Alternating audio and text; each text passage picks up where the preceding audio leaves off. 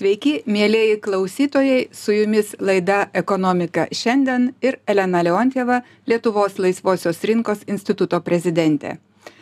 Lietuva vis laukia atnaujintos mokesčių reformos, e, posėdžiauja vyriausybė ir paketas turi būti pagaliau pristatytas Seimui. Apie tai, kokie pagrindiniai mokesčių reformos e, paketo tikslai ir pakeitimai laukia mūsų. Šiandien pakviečiau pakalbėti į mūsų studiją e, Gintarą Balčių.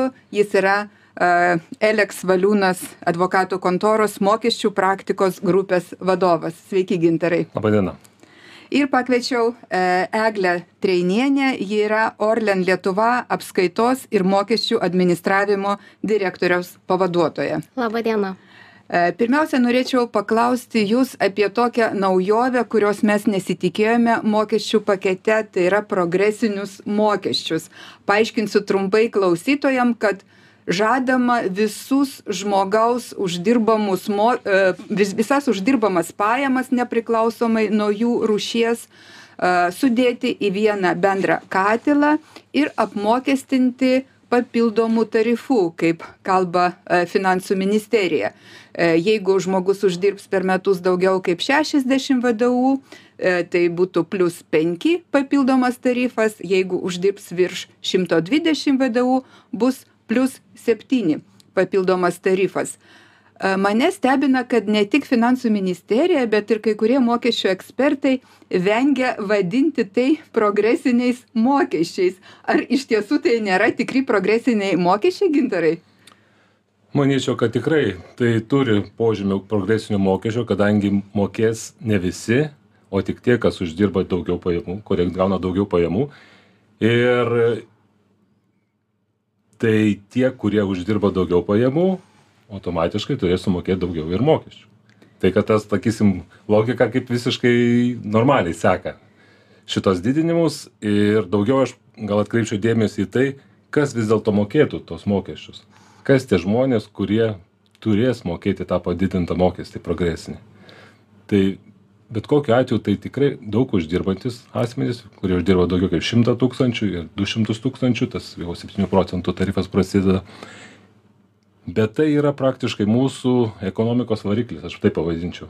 Tai labai verslus žmonės, kurie ne tik, kad suranda savo darbą, bet plus ir sukuria darbo vietas ir kitiems. Ir ką mes dabar iš tikrųjų norim padaryti, juos papildomai apmokestinti tam, kad jie praktiškai gal pagalvotų, ar jam verta likti Lietuvoje net iki to. Nes iš vienos pusės mes kaip ir Lietuva norim pritraukti tokius verslius žmones, kad jie atvyktų čia dirbti į Lietuvą, kurtų tas darbo vietas. Iš kitos pusės mes norim išsaugoti, kad ir mūsų, jau tie, kurie užaugo Lietuvoje, verslininkai, neišvyktų iš Lietuvos. Ir toj situacijai labai tada kaip ir svarbu pažiūrėti, kaip mes atrodom ir kaiminių šalių atžvilgių. Tiek Latvija, Estija, kas ten darosi. Ten tokių minčių, kad apmokestinti papildomai daug uždirbančius asmenys nėra. Ir tada tuos asmenis. Mes kaip ir verčiam jiems apsvarstyti a ką jie turi daryti?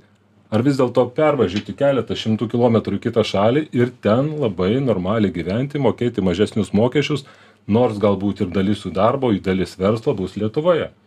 Ir šiais laikais kaip iš tikrųjų yra lengva pakeisti rezidavimo šalį tai toks padidinimas mokesčių daug uždirbančiam asmenims kurie iš tikrųjų kuria lietuvai tą pridėtinę vertę, aš manau, kad gali atnešti tik tai žalą. Tikrai ir dar labiau nuostabu, kad būtent ši vyriausybė savo programoje ne vieną kartą akcentuoja, kad reikia skatinti didesnės vertės kūrimą, e, didesnių pajamų e, ekonomiką. Tai atrodytų toks paradoksas, kad norima tos dalykus skatinti, bet realiai tas didesnis mokestis reiškia kad už tai bus baudžiama. Egle noriu jūsų klausti o kaip įmonei ar toks mokesčio e, modelio pakeitimas ar atneštų kažkokių tai pokyčių? Nes dabar kaip suprantu vis dėlto yra pakankamai skaidri sistema. Na išskyrus trisdešim du procentus daugiau uždirbantiem bet visiem kitiem yra dvidešim procentų ir viskas aišku. O kaip bus dabar taip tai iš tikrųjų pokyčių reikės ir įmonėms a ypatingai toms kurios jau dabar savo apskaitos sistemose buvo įsivedusios kada išskaičiuoja dvidešim procentų ir kada išskaičiuoja tą didesnį tarifą trisdešim du procentus. Mūsų įmonė orlen lietuva buvo įsivedusi tokią funkciją ir pakankamai tiksliai galėjo išskaičiuoti tiek dvidešim tiek trisdešim du procentus gyventojų pajamų mokesčio nuo kitų metų jeigu vis dėlto bus priimtas šis pakeitimas ir bus įvesti šie tikrai pritariu progresiniai mokesčiai a įmonėms reikės rinktis arba jos vėlgi keičia savo apskaitos sistemą ir atitinkamai vietoj trisdešim dviejų procentų sekančio laiptelio pasiima pasidaro du laiptelius tai penki procentai plius septyni procentai a bet ir tai neapsaugos pačių darbuotojų kurie uždirba dideles pajamas. Jų neapsaugos nuo papildomų mokesčių mokėjimo pasibaigus metam nes jis gali parduot sodybą ar kažką tai ar ne? Taip nes dabar visoms pajamoms bus taikomas tas progresiškumas ne tik darbo užmokesčio. Tai sakyčiau nepatogu bus tiek įmonėms nes įmonės netgi jeigu jos ir sutiks pasiruošti įgyvendinti tą pakeitimą ir tuos laiptelius pasidaryti ir kai metų gale e, asmeniui darbuotojui vis tiek reikės susimokėti papildomų mokesčių tai jis pirmiausia eis į savo apskaitos skyrių ar pas personalą ir klaus pala tai jūs sakėt viską išskaičiuosit bet man vis tiek susidaro mokėtina suma. Arba įmonė galės tiesiog išskaičiuoti dvidešimt dvidešim procentų gpm tarifą ir vis visas siurprizas liks po naujų metų gegužės pirmai dienai ar ne? Taip e, daugiau sukūrusiam ir daugiau uždirbusiam žmogui. O kaip tas dvidešim septyni procentai ar trisdešim du? Sakoma kad nu tarsi tai yra esminis pagerinimas kad daugiau uždirbantys programuotojai dabar neturės mokėti to trisdešim dviejų procentų tarifo. Ar ar čia yra dalykai kuriuos mes išvis galime pasverti. Nu mano galva čia nereikia taip lyginti. Aš kaip minėjau gal čia reikia lyginti šalis. Ir aš kaip pavyzdį galiu paminėti estiją. Estijos įmonė skirsto pel savo pelną sumo turi sumokėti dvidešim procentų pelno mokestį. Kas lietuvoj atsitinka? Lietuvos įmonė skirsto pelną prieš tai turi sumokėti pelno mokestį penkiolika ir tada plius turi sumokėti dvidešim du procentus penkiolika procentų dividendų gyventojų pajamų mokestį ir plius tą papildomą sakysim septynių procentų. Tai kas gaunasi kažkur efektyvus? trisdešim keturi procentai. Tai lyginam. Lietuvoj trisdešim keturi estijoj dvidešim koks sprendimas žinoma. Ir ir priminėt priminėt ne be reikalo estišką modelį nes šios vyriausybės programoje buvo numatyta apsvarstyti perėjimą būtent prie tokio įmonių apmokestinimo modelio kai tik paskirstant dividendus atsirastų pareiga mokėti pelno mokestį. Šiandien mes turime tuos kompromisus kurie yra na labai švelnūs sakyčiau ir turbūt vat esminis E, dalykas kuris iškilo ypač dėl infliacijos tas tai avansinis pelno mokesčio mokėjimas nes vis dėlto estijos įmonės tikrai pagal pinigų srautus žino kad išmokam dividendus ir turim lėšų sumokėt pelno mokestį. Mūsų įmonės turi mokėt pelno mokestį nors gal gaus nuostolį. E, netgi ir tuo atveju jeigu dabar pelną gauna didesnį negu prognozuojamas E, yra paradoksalių situacijų, kai turi mokėti delspinigius. E, kaip jūsų nuomonė tas avansinis pelno mokesčio mokėjimas apskritai įsipaišo į, į verslo logiką ir būtent to kapitalo stokos metu? Jo, gal aš čia pakomentuosiu, kad vis dėlto kaip ir yra įrankių, kaip tai galima šiek tiek suvaldyti, nes bet kokiu atveju įmonė turi du variantus, kaip apskaičiuoti avansinį pelno mokestį. Remiantis praėjusiu metu rezultatais ir arba planuojamais mhm. ateinančių einamųjų metų rezultatais. Tai jeigu nėra taip aišku vis dėlto, kas bus su ta ekonomika, tai gal tada nereikėtų pasirinkti mokėti pagal praėjusių metų rezultatus ir pasirenkam pagal einamosius. Bet čia yra kaip ir pinklės tokios, kad jeigu pasirenki, tavo pasirinkta suma negali būti mažesnė kaip 80 procentų to tikrojo pelno mokesčio. Ir jeigu suklydai, skaičiuojami dėlspinigiai. Ja tai va o suklysti buvo labai lengva nes kiek lietuvos bankas prognozavo infliacijos o kiek mes jos turėjom realiai Taip. Tai beveik visos pelningos įmonės galėjo patekti prie tų, kurios turės mokėti delspinigius. jo gal tada vedam prie to kad nereikia visą laiką pasitikėti valstybinių institucijų skelbiamais duomenimis kartais reikia galbūt ir pačiam sėsti Tai jūs siūlot prognozuoti 22 procentų infliaciją. Na, Tai, tai įmoniai turbūt reikėtų turėti tada dar vieną e, darbuotoją, dar vieną ekspertą, kuris, kuris turėtų pilną darbo dieną užsiimti prognozėmis. Bet aš kaip suprantu, kad ir dabar jūs turite na, pakankamai rūpeščių. Tai kaip vat, įmonės finansams, kuri iš tų mokestinės apskaitos dalių, kuri sukelia daugiausiai galvos skausmo. Kaip vat, paprastam žmogui suprasti, kas ten dedasi įmonės finansuose. A, iš tikrųjų, kalbėti apie mokesčius vien jau su paprastu žmogumi tikriausiai nėra taip paprasta. Nes aš labai dažnai pasakau, kas yra a, mokesčių specialistas įmonėje. Tai dažniausiai turėtų būti žmogus, kuris myli skaičius, bet lygiai taip pat myli ir teisę. Nes e, finansinius skaičius reikia apdoroti skaitant įstatymus priskirti leidžiamiems atskaitymams. Dabar šiek tiek keiksmažodžių tokių bus leidžiami atskaitymai atskaitomas neatskaitomas pvmas tai paprastam žmogui tai iš tikrųjų yra sudėtingi sudėtingi dalykai. Bet jeigu man reikėtų vaizdingai papasakoti kad žmogus įsivaizduotų ką daro mokesčių specialistas įmonėje aš tikriausiai pasiūlyčiau tam paprastam žmogui a prisiminti e, kada jisai paskutinį kartą teikė savo metinę gpm deklaraciją tai jeigu žmogus turėjo pajamų tiktai iš darbo užmokesčio tai žinoma gpm deklaracijos teikimas yra pakankamai paprastas. Analogiškai ir įmonė jeigu ji yra maža paprasta jos mokesčių skaičiavimas deklaravimas pakankamai paprastas. Bet jeigu tas paprastas žmogus nėra vis dėlto toks paprastas ir gauna pajamų ne tik iš darbo užmokesčio bet taip pat dividendų individualios veiklos o jeigu dar dirba dalį laiko užsienyje tai jo metinė gpm deklaracija yra gerokai sudėtingesnė atitinkamai ir įmonė jeigu ji yra sudėtingesnė tai ta pati mokesčių apskaita yra gerokai sudėtingesnė tai turite daugybę įsigijimų, e, daugybę veiksnių, ekonominių išteklių ir visa tai turi virsti vien, vienur ar kitur turi atgulti į mokesčių formą. Taip, ar ne? Teisingai. Kiekvienas skaičius į vieną ar kitą deklaraciją galiausiai turi nugulti vienoje ar kitoje eilutėje vėlgi. Ir vienas didesnių e, patobulinimų, kuris dabar siūlomas šiame mokesčių pakete, tai yra e, momentinis ilgalaikio turto nusidėvėjimo modelis ir taip pat žadama pratesti investicinio projekto nuostatų galiojimą, nes e, įmonės nors ir sunkiai, bet vis dėlto įprato jau naudotis šituo metodu ir staiga paaiškėjo, kad nuo kitų metų mes galime jo ne, nebeturėti.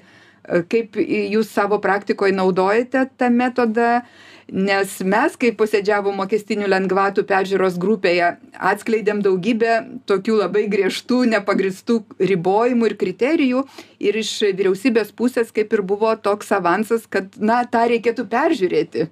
Uh mhm. -huh taip tai iš tikrųjų mes investicinių projektų lengvata naudojamės džiaugiamės nors ir tikėjomės kad ji turėtų būti pratęsta nes aš įsivaizduoju jeigu ji būtų nebuvusi pratęsta tai lietuvos konkurencingumas lyginant su latvija estija tikriausiai irgi sumažėtų a tačiau ko papildomai norėtųsi ir ko tikėtumėmės iš verslo pusės tai būtų administracinės naštos sumažinimas.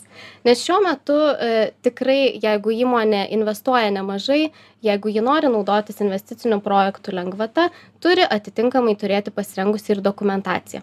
Kaip sakėt reikalavimus matėte žinote tai tie reikalavimai reikia ir pagrįsti kad tikrai investicinis projektas atitinka jam keliamus tikslus. Kad įsigytas turtas yra naujas pagamintas ne ne seniau negu prieš dvejus metus. Tai vėlgi reikia viską įrodyti. Ir dažniausiai į da dažnu atveju aišku pakankamai paprastos gali būti sąnaudos.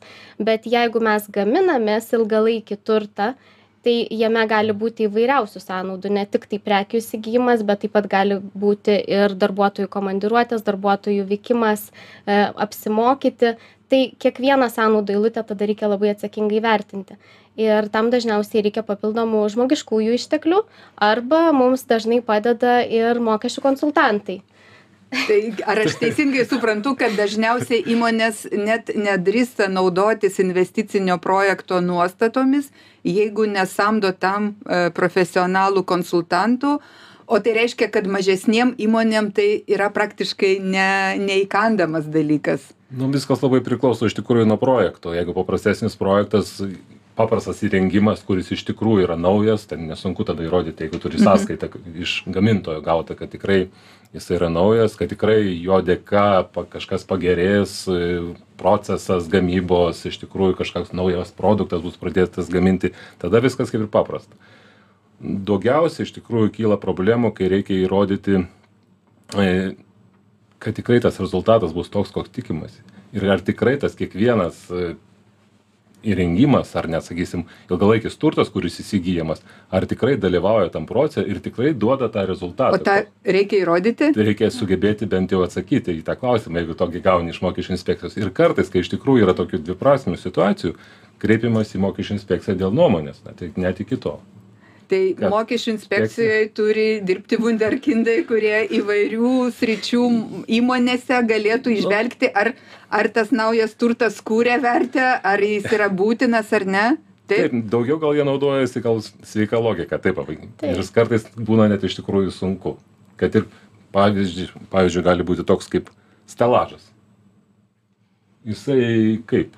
Kuria kažką geriau nes jeigu paprastas pakeitimas seno turto nauju jis nėra investicinis projektas. Ach šitaip. Naujas turtas turi būt kažkuo geresnis suteikiantis kažkokių daugiau galimybių didinantis kažkokį našumą pavyzdžiui. Tai vat stelažas. Kaip jisai? Jeigu jisai turi pavyzdžiui ten kažkokį automatinį pasikėlimą tai aš galiu sakyt taip žiūrėkit jis aš jau tik padedu jis pats pasikelia pasideda viskas yra aišku ir ir paprasta. Mhm. tai va to tokių vat turtų sakysim ilgalaikių kurie iš tikrųjų yra su klaustuku yra tikrai praktikoj pasitaiko ir tada kreipiamasi į mokesčių inspekciją net ir daromi susitikimai ir ir net ginčijamasi ir kad įrodyti vis dėlto. Ir aišku kartais rezultatas būna net kad negauni to patvirtinimo kad vis dėlto kad vis dėlto negalima taikyt nes vis tiek mokesčių inspekcija kaip ir skelbia ir laikosi tos nuomonės kad mokesčių lengvatos turi būt taikomos siaurai turi atitikti visus reikalavimus visas sakysim sąlygas kad galėtum naudotis tomis lengvatomis. Tai čia turbūt pagrindinė blogybė kad mes tokius dalykus apskritai laikome lengvatomis nes vat kaip jau kalbėjom pagal estišką modelį tai įmonė įsigyja viską ko reikia ir neturi niekam pasiteisinti ar tai yra didelė naujovė ar maža naujovė ar stelažas tiesiog įlūžo ir įgriuvo ir reikėjo įsigyti naują tai visa tai yra turbūt didžiulio sutaupymo erdvė tiek kalbant apie įmonės finansus ir išteklius tiek ir kalbant apie mokesčių inspekcijos užimtumą. Nes kaip suprantu visa tai turi atlikti žmonės kurie turi turėti pakankamą profesionalumą kad galėtų įsigilinti ir aprobuoti aprobuoti tuos dalykus ir taip pat ir e, kiek man žinoma ir mtep lengvata e, taip pat e, turi turi tokių dar didesnių iššūkių nes reikia įrodyti kad įmonė investuoja į dalykus kuri kurie turi globalaus naujumo požymių ar ne? Taip taip tik ten dar sudėtingiau iš tikrųjų. Ir ten iš tikrųjų kartais reikia ekspertų išvados kad patvirtintų kad tikrai tai yra kažkas tai naujo kad yra sukuriama. Tai kad jeigu grįžtant prie to estiško varianto taip aš pritarsiu tai yra vis dėlto paprasčiau aiškiau. Ar visiems tai yra gerai ir priimtina? Tai čia aš dar uždėčiau klaustuką. Nes tikrai jeigu paimtum ir mokėtum kiekvienais metais skirstytum pelną estijos įmonei mhm. tai visą laiką tas skirstomas pelnas estijoj apsimokestintų dvidešim procentų. Kaip ir aišku. Jeigu mes imam klasikinę sistemą lietuvišką pavadinkim mhm. taip tai mes čia turim tą penkiolikos procentų pelno mokestį. Taip. Bet mes turim krūvą lengvatų. Kad ir net ir tas investicinis projektas sudedam viską į sandus du kartus. E, jeigu paimti išvis akcijų perleidimo lengvatą tai aš pardaviau vertybinius popierius išlaikęs dvi metus jie išvis neapmokestinami. Tai prie ko aš vedu kad praktiškai tas penkiolikos procentų pelno mokestis gali sumažėti dar kažkur tai nu nesakau iki nulio bet galbūt iki iki dešimties ar penkių procentų. Tai mes jau prieš estus išlošėm taip? Bet po to po to aišku išmokėjimas sakai akcininkui fiziniam asmeniui bet kokiu atveju čia atsiranda arba penkiolika arba ką mes kalbėjom dvidešim du plius septyni taip taip. Ir ir ir beje vėl mes tada gadinam savo visą vaizdelį kuris kaip lyg tai buvo neblogas estijos e, įmonės atžvilgiu. Tai vat lyginant lietuvą ir estiją kažkaip asmeniškai galvoju kad tas kas nori kiekvienais metais išsiimti pinigus iš įmonės tai lietuviškas variantas gal net klasikinis yra geresnis. Nes estijoj ką sutaupai? Kol įmonė yra tas sukasi pelnas neišmokama dividendai tada nieko nereikia rūpintis nieko kaip sakysim ir nemoki. Bet e, pagal tarptautinį e, mokesčių konkurencingumo indeksą estija yra pirmoje vietoje jau nepamenu kiek daug metų o lietuva tikrai atsilieka nuo estijos ir vat pagal naujus skaičiavimus įvedus šitas visas naujoves mes dar per keletą pozicijų galėsime smukti žemyn. O dabar padarykime trumpą techninę pertrauką reklamai. Su jumis ekonomika šiandien ir elena leontjeva lietuvos laisvosios rinkos instituto prezidentė.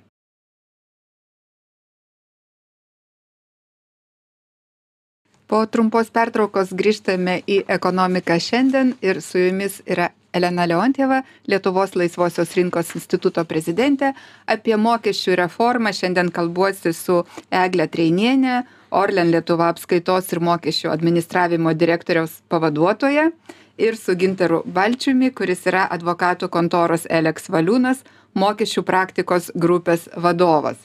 E, prieš pertrauką kalbėjome apie tai kad estija jau daugybę metų yra pirma mokesčių konkurencingumo indekse globaliame. Tai ko dėka estam vis dėlto pavyksta išsilaikyti taip aukštai? Tai aš galvočiau kad vis dėlto sistemos jų sistemos paprastume ir aiškume lyginant su lietuvos. Bet net ir tuo požiūriu žiūrint yra ten kabliukų ir estijoj nes ne vien tiktais tas faktiškas pelno skirstymas yra apmokestinamas. Yra tai kas yra prilyginama pelno skirstymui kaip pavyzdžiui jeigu yra sudaromi sandoriai ne rinkos kainomis jau tai gali būt laikoma pelno skirstymu ir turi būt apmokestinama. Taip pat dovanos kažkokios e, subsidijos suteiktos irgi yra gali būt prilyginta pelno skirstymu kas labai dabar irgi jau dažnai vat susiduriu tai net paskolos suteiktos grupės įmonėm kai kuriom kai kuriais atvejais gali būt laikoma pelno skirstymu tai kad na mes čia matom tą bendrą tendenciją kai yra tam tikrų piktnaudžiavimų atsiranda e, tokios upės tai mokesčių inspekcija finansų ministerija siūlo pataisas kurios užkardytų tam kelią bet tuo pačiu žinoma nukenčia ir visi sąžiningi mokesčių mokėtojai. Todėl žinoma kuo paprastesnė mokesčių sistema kuo daugiau mokėtojų lygybės prieš įstatymą ir mažiau įvairių išimčių tuo turbūt geriau. Tiesa reikia prisiminti kad būtent tokį kelią tokį tikslą ir kėlė e, vyriausybė e, bet deja vat šitame mokesčių pakete gal ne viską pavyko išpildyti bet bet ten yra vienas geras jeigu nekritikuosit estijos. nekritikuosiu estijos tiktai noriu pasakyti kad kad e, man tiktais įdomu kadangi vis dėlto artėja ta diena kai turi bus įvestas minimalaus pelno mokesčio pasaulinis e, tas pasaulinis globalus taip taip kurį turi, turės mokėti įmonių grupės, kurių apyvarta didesnė negu 750 milijonų. Kaip estai suksis iš šitos situacijos? Iš tikrųjų, ar jie tada sakys, kad tvarkoj, nėra pelno skirstimo, bet turim susimokėti vis tiek estijai? E, yra sprendimai ir mes daug bendradarbiavome su Estų finansų ministerija tuo klausimu. Estų dėka šis modelis yra įtrauktas tiek ES direktyvoje, tiek OECD susitarime jis yra įtrauktas kaip visiškai legitimus modelis, jis vadinamas atidėto pelno mokesčio mokėjimo modelis. Ir čia antrą kartą reikia e, nuimti kepurę prieš estus, nes jiem pavyko išsaugoti jį kaip modelį. Ir, e, ir, ir viskas liks galioti. Vienintelis skirtumas, jeigu Lietuva, pavyzdžiui, e, vėliau pereitų prie šito modelio, būtų reikalavimas paskirstyti dividendus dažniau. Estam beros tas reikalavimas yra kas trejus metus paskirstyti dividendus, naujom šalim tai būtų reikalavimas berods ar kasmet ar kas antrus metus skirstyti na bet svarbu kad vis dėlto galvojant apie žmonijos ateitį toks modelis liktų galioti. Bet grįžkime prie žemiškų reikalų.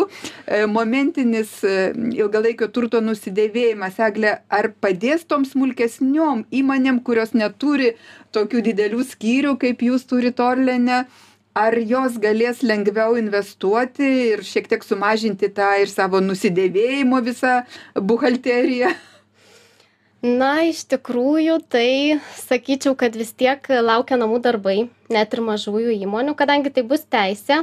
Tikiuosi kad tai įtvirtins kaip teisę o ne pareigą mokesčių mokėtojui. Taip taip tai yra pasirinktinis dalykas. Taip tai tada įmonė prieš pasirinkdama ar vis dėlto jinai nori taikyti tą momentinį nusidėvėjimą ar laikytis tų principų kuriuo kuriuos kuriais vadovavosi iki šiol e, nudėvint ilgalaikį turtą turės atlikti skaičiavimus ar ar jiems ar joms verta momentinį nusidėvėjimą taikyti ar ne. Nes momentiškai viską nus nu nudėvėjus galima sugeneruoti nemažus mokestinius nuostolius. Ir jeigu ateity įmonė planuoja būti pelninga tai savo apmokestinamąjį pelną ji galės mažinti tik septyniasdešimčia procentų ankstesnių metų mokestinių nuostolių suma tai čia yra kita nuostata kurią kartu reikėtų šiaip jau keisti ar ne? Priminėt priminėt šitą svarbų dalyką. Taip iš tikrųjų tada gal turėtų leisti ir šimtu procentų susimažinti apmokestinamąjį pelną e, perkeliant ankstesnių metų mokestinius nuostolius. Tai vėlgi e, kitas dalykas e, tos įmonės kurios turi atskirai mokestinę apskaitą ir finansinę apskaitą vėlgi atsiras skirtumai nes finansinėje apskaitoje momentinio nusidėvėjimo taikyti nebus galima. Tai toms įmonės įmonėms kurios ir skaičiuoja tarkim atidėtąjį pelno mokestį tai vėlgi atsiras didesni atidėtojo pelno mokesčio įsipareigojimai kuriuos reikės apskaityti ir parodyti savo finansinėje apskaitoje. Tai sakyčiau čia reikėtų pasverti gerai ir paskaičiuoti vis dėlto įmonei ar verta taikyti momentinį nusidėvėjimą ar vis dėlto laikytis ankstesnių principų. Ir kaip jau gintaras minėjo pilar du direktyvos įgyvendinimas čia vėlgi klausimas kaip koreliuos tas momentinis nusidėvėjimas su pilar du direktyvos įgyvendinimu. Na greičiausiai tos įmonės kurios taikys momentinį neturės septynių šimtų penkiasdešim milijonų apyvartos nors su tokiais infliacijos tempais bijau kad mes visi greitai galime prie to priartėti. Tai vienas iš e, pamąstymų kuris paskatino ir vat prisidėti prie to momentinio nusidėvėjimo rengimo ir buvo tai kad infliacija labai nuskurdina įmones nes staklės kurios e, šiandien kainuoja įsigyti milijoną e, jos anksčiau buvo įsigytos nežinau gal ten už tris šimtus tūkstančių tas nudėvėjimas kasmet na žinoma jis neleidžia šiandien at atkurti to ilgalaikio turto. Ir vat būtent tas infliacijos poveikis buvo man vienas pagrindinių tokių e, akstinų kodėl pradėjome galvoti apie šį modelį nes mes matome kad praktiškai tas kapitalo bazė kuri kuria darbo vietas e, jinai realiai dėl infliacijos nyksta. Ir elena aš iš tikrųjų e, labai džiaugiuosi kad buvo pasiūlytas tas momentinis nusidėvėjimas nes tai yra vienas iš tų kelių pozityvių dalykų kurie yra numatyti šiame pakeitimų projekte taip ir iš tiesų infliacija turbūt ir daugiau problemų dabar sukelia įmonėms. Nežinau kaip jums tenka susidurti.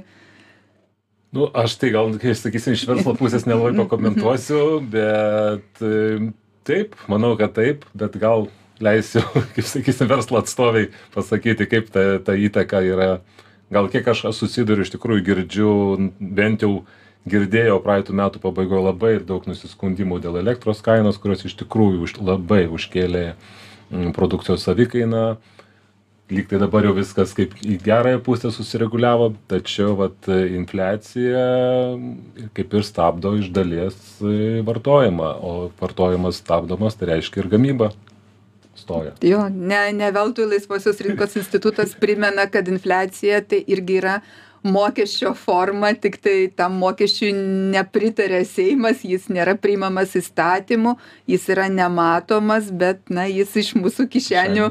e, šiek tiek šiek tiek jas ištuština. Bet žinot grįžtant prie visumos mokesčių reformos paketo man labiausiai gal širdį skauda dėl to tokio supriešinimo mokesčių mokėtojų sąlygų pagerinimo ir biudžeto surinkimo pagerinimo. Na tarsi tai būtų e, du prieštaringi vienas kitam dalykai na aš puikiai suprantu kad jeigu mokesčių mokėtojam mes nesudarome gerų sąlygų čia veikti neska ska neskatinam jų bėgti slėptis į šešėlį arba svetur na tai tada ir biudžetas bus surenkamas ir čia to prieštaravimo na tarsi ir neturėtų būti. Ir tos darbo vietos kurios rytoj bus sukurtos na šiandien yra jų likimas sprendžiamas. Jo bet gal tada jeigu atsistoti į finansų ministerijos padėtį kai jie teikia pasiūlymą tai kiekvienas tiek eilutę skaičiuoja tas pakeitimas duos plius tiek į biudžetą toks pakeitimas tiek minus iš biudžeto ir jie negali pateikti pasiūlymo ar to paketo, kuris būtų nesubalansuotas. Tai reiškia, pajamos turi būti atsverti netekimus, bent jau ant lygiųjų. Aišku, idealiu atveju gal jie norėtų daugiau iš pakeitimų. Bet ne, čia negali mechaniškai skaičiuoti tokių taip, dalykų, bet, jūs puikiai bet, žinot. Bet, taip, bet jie taip daro. Aišku, pagal naudoja prognozes, kaip numatoma ir ką mes dabar turim, jeigu iš to mūsų pateikto paketo išrankiosim tas geras, gerus dalykus, tai liks tiktais minusas į biudžetą. Tai reiškia biudžetų netekimas. O Bet liks e, mokesčių bazė Lietuvoje. Taip, ir Bazės... ta viltis, kad tie, vat, nors šiai dienai bus patirimas minusas biudžetui, netekimas, bet laikui bėgant, tai sukurs papildomas darbo jėgas, sukurs padidinę vertę, didės įplaukos iš visų mokesčių ir laikui bėgant tai duos teigiamą rezultatą. Taip. Bet matyt, pas mus nieks nenori ilgai laukti, iškart nori dabar ir iškart. Taip, bet tas iškart gali reikšti, kad kitais metais e, prasidės Taip. mažėjimas. Taip. O kaip jums atrodo, ar įmonių investicijos, ar jos kūrė tą gerovę Lietuvai ir darbo vietas ir kaip, kaip visą tai koreliuoja su biudžeto surinkimu? Vienareikšmiškai sakyčiau, kad e, kuria pridėtinę vertę. Mūsų įmonė Orlen Lietuva taip pat e, jau šiuo metu įgyvendina didelės investicijas Lietuvoje, tai tikrai yra kuriamos ir, kuriama ir, kuriamos ir papildomos darbo vietos. Kalbant apie patį susipriešinimą, aš manau, kad čia pagrindinė problema buvo tame, kad verslo atstovai, tie patys gyventojai nebuvo įtraukti į tų projektų svarstymus, į prieimimus. Kažkada prieš dviejus metus prasidėjo Tai buvo kalbos... ta mokestinių lengvatų peržiūros grupė, Taip. man teko dalyvauti aktyviai. Taip, ir iš tikrųjų tuomet mes irgi teikėm pasiūlymus, pastabas, praėjo metai, aha, įvyko karas, vėl tylu. Po pandemija karo, dar pandemija dar, pandemija. taip, taip, mes kažkaip tam pandemijos, per pandemiją, pandemiją pradėjome. Taip.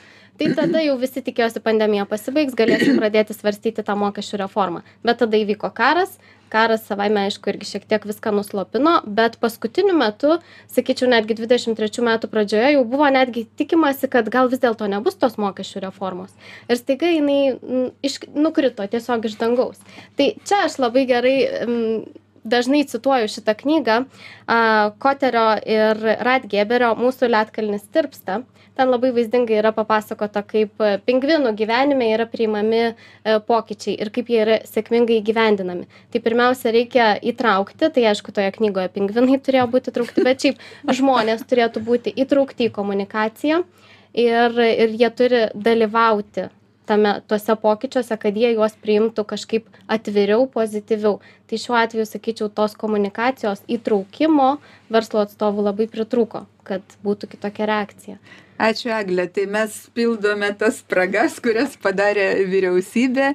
Ir šiandien ekonomika šiandien e, laidoje su egle treiniene orlen lietuva apskaitos ir mokesčių administravimo direktoriaus pavaduotoja ir su gintaru balčiumi advokatų kontoros eleks valiūnas mokesčių praktikos grupės vadovu aptarėme mokesčių reformą tam kad žmonės jaustųsi labiau įtraukti labiau žinantys ir labiau pasiruošę būsimiems pokyčiams. Ačiū jums likite su žinių radiju.